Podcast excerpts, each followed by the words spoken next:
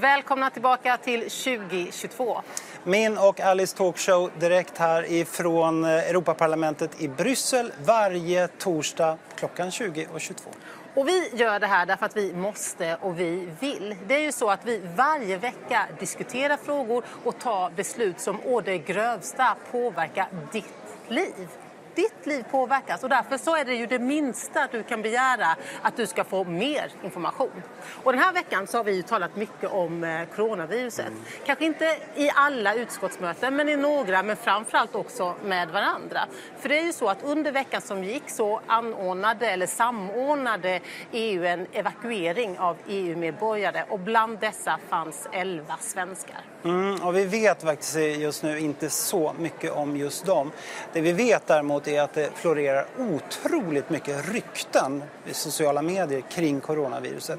Och en annan sak som vi vet det är ju att allt flygande i världen det bidrar till att den här typen av virus och sjukdomar sprids snabbare nu i mänskligheten än någonsin tidigare.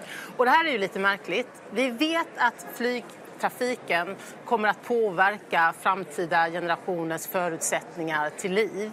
Men det är först när det är ett virus som kan drabba oss själva som individer. Eller som, dig. Ja, eller dig. Som vi faktiskt börjar fundera på det här med, ska vi flyga eller inte? Det är många som har ställt in sina flygresor under de senaste veckorna. Och en av dem, ett ypperligt exempel på detta, det är Carl Bildt. Ja, för han har som vana, eller för vana, att, att twittra häftiga bilder på sig själv på olika flygplatser runt om i världen. Men för några dagar sedan då kom det ett meddelande som sa att han har ställt in en resa till Kina. Inte på grund av klimatförändringarna utan på grund av coronaviruset.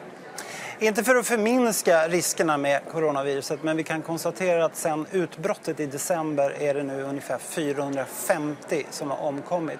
Det kan vi jämföra med de siffror som Världshälsoorganisationen WHO ger när det gäller hur många som omkommer varje år på grund av luftföroreningar. Och det är 7 miljoner människor globalt. Men i Kina just nu så byggs det sjukhus i rasande tempo. Ja, på några veckor bara. Bara, bara några ja. veckor. Och det får ju en att fundera på detta, det faktum att för Moderaterna, vad var det, så tog det sex år att bygga 550 vårdplatser för 52 miljarder kronor. Men eh, Moderaterna använde å andra sidan inte slavar för att bygga de här sjukhusen. Nej. Så eh, just det eh, tycker jag vi ska verkligen tacka Moderaterna och kanske framförallt då Irene Svenonius. Det ska vi verkligen tacka henne för. Tack, tack. Europaparlamentet är ju dock ett, ett nav. Vi är som ett liten, en liten odlingsstation för människors olika, olika ja, hälsotillstånd. Det flygs in människor till Bryssel dessvärre, från EUs alla olika hörn. Det är väldigt få som åker tåg. Men just med tanke på detta, att vi är så många som faktiskt umgås här instängda hela dagarna, så måste vi få veta mer om hur parlamentet har förberett sig för, en, för ett utbrott här. Och därför har vi bjudit in parlamentets presstalesperson. Delphine Collat, welcome to our show. Thank you. Is there a, a, plan for how the parliament should handle a corona breakout uh, crisis? All the staff and all the members of the European Parliament have been informed by a mail to all uh, yesterday by the medical service of what is the coronavirus, what we know about it, and how to prevent uh, respiratory disease by very simple uh, uh, gestures of everyday washing hands and uh, all those prevention measures that are part of the policy of the Parliament. Of course, it's monitored closely with the European Centre of the Disease Prevention, and, uh, for example, at the moment, the non essential missions to the province of Wuhan have been uh, cancelled, and all missions to China are monitored and assessed. But, but if this would really be a major catastrophe, what would it take to, to really shut down the parliament? The first priority of the parliament is to continue its work, its business continuity for the members and taking decisions. So the, the priority will be how to maintain the work of the, the, members and allow them to meet and decide on the important legislation. So all is put in place so that the continuity is ensured. So shutdown is really the last resort uh, possible. But, but, but if there would be a breakout within the parliament. I mean, we are many people traveling a lot, uh, and we are many people inside this house. Is there a little group, a small uh, group, uh, who will take the decisions in our place if we are not able to do it? Well, there are no secret decisions in the European Parliament, but there are political instances, the conference of the group leaders, and of course the Bureau, which uh, is the president and the vice president of this House, and they will, uh, of course, decide on basis of proposal by the Secretary General, who is in charge of maintaining the continuity of the business and ensuring the best way uh, possible the continuity of the work and the security and safety of the staff and the members, of course. Mm. That, that, sounds good. It's like business like usual. Yeah. yeah? It's prevention measures, as, as, always, and uh, making sure that this house works to the benefit of the citizens. Thank, Thank you. you very much, Delphine, for coming. Thank you. Det märks här i parlamentet att de 73 brittiska ledamöterna har lämnat oss. Och en av dem det var ju vår kära gröna kollega Majid Majid. Han var tidigare borgmästare i Sheffield och under sin relativt korta tid som parlamentariker så gav han sig den på att hålla koll på fascisterna och nationalisterna här i parlamentet. Och eh, ja, vi är ju inte lite stolta över att ha fått ta över detta ärofyllda uppdrag, eller hur? Exakt, och idag, 6 februari, så är det Sverigedemokraternas födelsedag. Mer än enkelt tullipan på bemärkelsedag Jag har den äran, jag har den äran att gratulera Ja, det har blivit populärt och är så välment och kärt Så jag är säker att innan kvällen det kommer flera en liten blomma så här planterad i en kruka kan säga mer En Orrefors som är dekorerad med vita liljor och orkidéer Vi är inte ett parti som andra. Jag håller med om det. Jag är glad för det. Jag har den äran, jag har den äran att gratulera Mm. Grattis, eller vad man ska säga. Det tog alltså 32 år för Ulf Kristersson och Ebba Busch Thor att bjuda in Sverigedemokraterna i värmen. För nu förhandlar ju Moderaterna och Kristdemokraterna helt öppet med Sverigedemokraterna. Och även Jonas Sjöstedt och Vänsterpartiet har ju gett Sverigedemokraterna stöd i vissa frågor. Och det vi verkligen undrar nu, det är ju hur Ulf Kristersson tänker fira det här 32-årskalaset med sina nya kompisar. Hur det går till, det kommer ni faktiskt få reda på i slutet av den här sändningen. Mm. Men det finns en stor anledning till att fira på riktigt idag. Det är den 6 februari, det är samefolkens dag. Och the place to be idag, men också alla andra dagar om året, det är Jokkmokk. Och en som är på väg till Jokkmokk med tåg just nu, det är Sofia Jannok. Sofia, vad betyder den 6 februari för dig? Det är så mycket som händer just nu. Eh, vi kan ju inte ha missat om att för två veckor sedan så vann ju Girjas sameby och SSR i Högsta domstolen. Och det var ju en seger, inte bara för Girjas utan för alla oss samer, både inom samebyn och utom samebyn eftersom att det var på urminnes hävd efter det så spreds ju massa kärlek till Giresa och till alla samer men också tyvärr ganska mycket hat.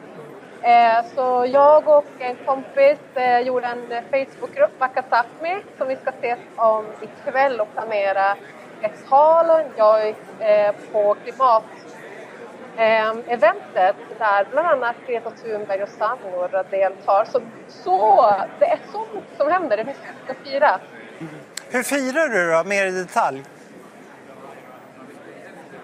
Alltså, det är inte tårta direkt utan Jokkmokks marknad är ju mer än 400 år gammal samlingsplats. Så förutom att det, det är en kamp för mänskliga basic rättigheter som pågår varje dag så är ju marknaden ett ställe där vi får samlas och ses med släkt och vänner och, och familj.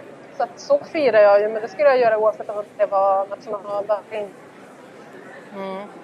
Sofia, vi önskar dig en fantastisk 6 eh, februari och eh, vi eh, kommer fortsätta att göra allt vi kan alla dagar om året. Tack så mycket för att du var med. Nu blir det väder. Ja, välkomna tillbaka till veckans värsta väder i världen. Och februari, den här första veckan, har ju inletts med en, en ren värmebölja med högsommarvärme faktiskt, som ni kan se på många platser i, i Spanien, Italien och på en del andra platser också. Allra, allra varmast under den här första veckan har det varit i Valencia som i tisdags hade hela 29,6 grader. Det är också den högsta temperatur som har uppmätts i Valencia i februari månad. Och det här följs efter den absolut varmaste januari månad som har uppmätts i Europa. Enligt det gemensamma europeiska väderinstitutet Copernicus så hamnade januari drygt 3 grader över genomsnittet för 1981 till 2010. Det är jättemycket i de här sammanhangen. Och globalt så blev januari 2020 tillsammans med januari 2016 den varmaste januari månad som har uppmätts. Ja, hur det här påverkar ekosystemen, det återstår att se. Mm. Det är fruktansvärt helt enkelt. Men det händer ju bra saker också på miljö och klimatområdet. En fantastisk sak denna vecka är ju att den stora tidningen The Guardian har satt ner foten nu och sagt att inga fler annonser från fossilbolag. Ja, och det häftigaste av allt med den nyheten, den här positiva nyheten, det är att The Guardian har inspirerats av svenska ETC. Mm. De, de, har skrivit om det i en artikel. Jajamän. Och en annan helt fantastiskt rolig sak som har hänt den här veckan det är ju att vi två har blivit tre. För Jakob Dalunde har blivit den nya Europaparlamentarikern för oss. Vi är ju 21 nu, vi var 20 förut. Ja, precis. För det är ju så här att i och med Brexit så gick vi från att vara 28 länder i EU till att vara 27 och vi gick från att vara 751 till 705 ledamöter. Vi har blivit något mindre och en av dessa är precis som du säger Jakob Dalunde. Och som av en händelse, Jakob kommer ju att gå där borta.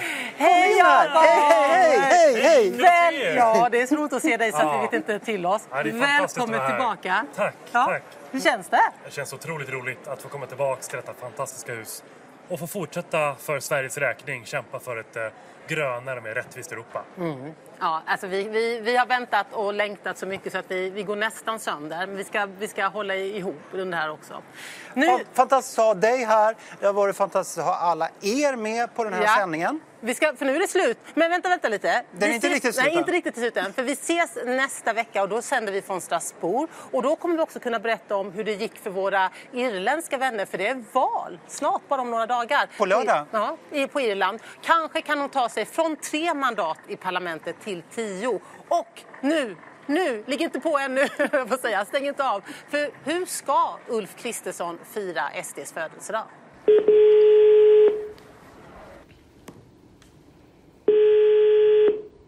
Moderaterna. Ja men hej, Torgny heter jag. Jag ringer från Talkshow 2022 och söker Ulf Kristersson. Okej. Okay. Uh, hmm, mm, mm, mm. Uh, kunna ge dig numret till som är med honom, för han var ju i Bryssel idag. Men jag tror att han kanske har åkt vidare nu till... Vi vill mest veta hur, hur han planerar att fira Sverigedemokraternas födelsedag idag. Sverigedemokraternas födelsedag idag? Ja, de fyller 32 år. Okej. Okay.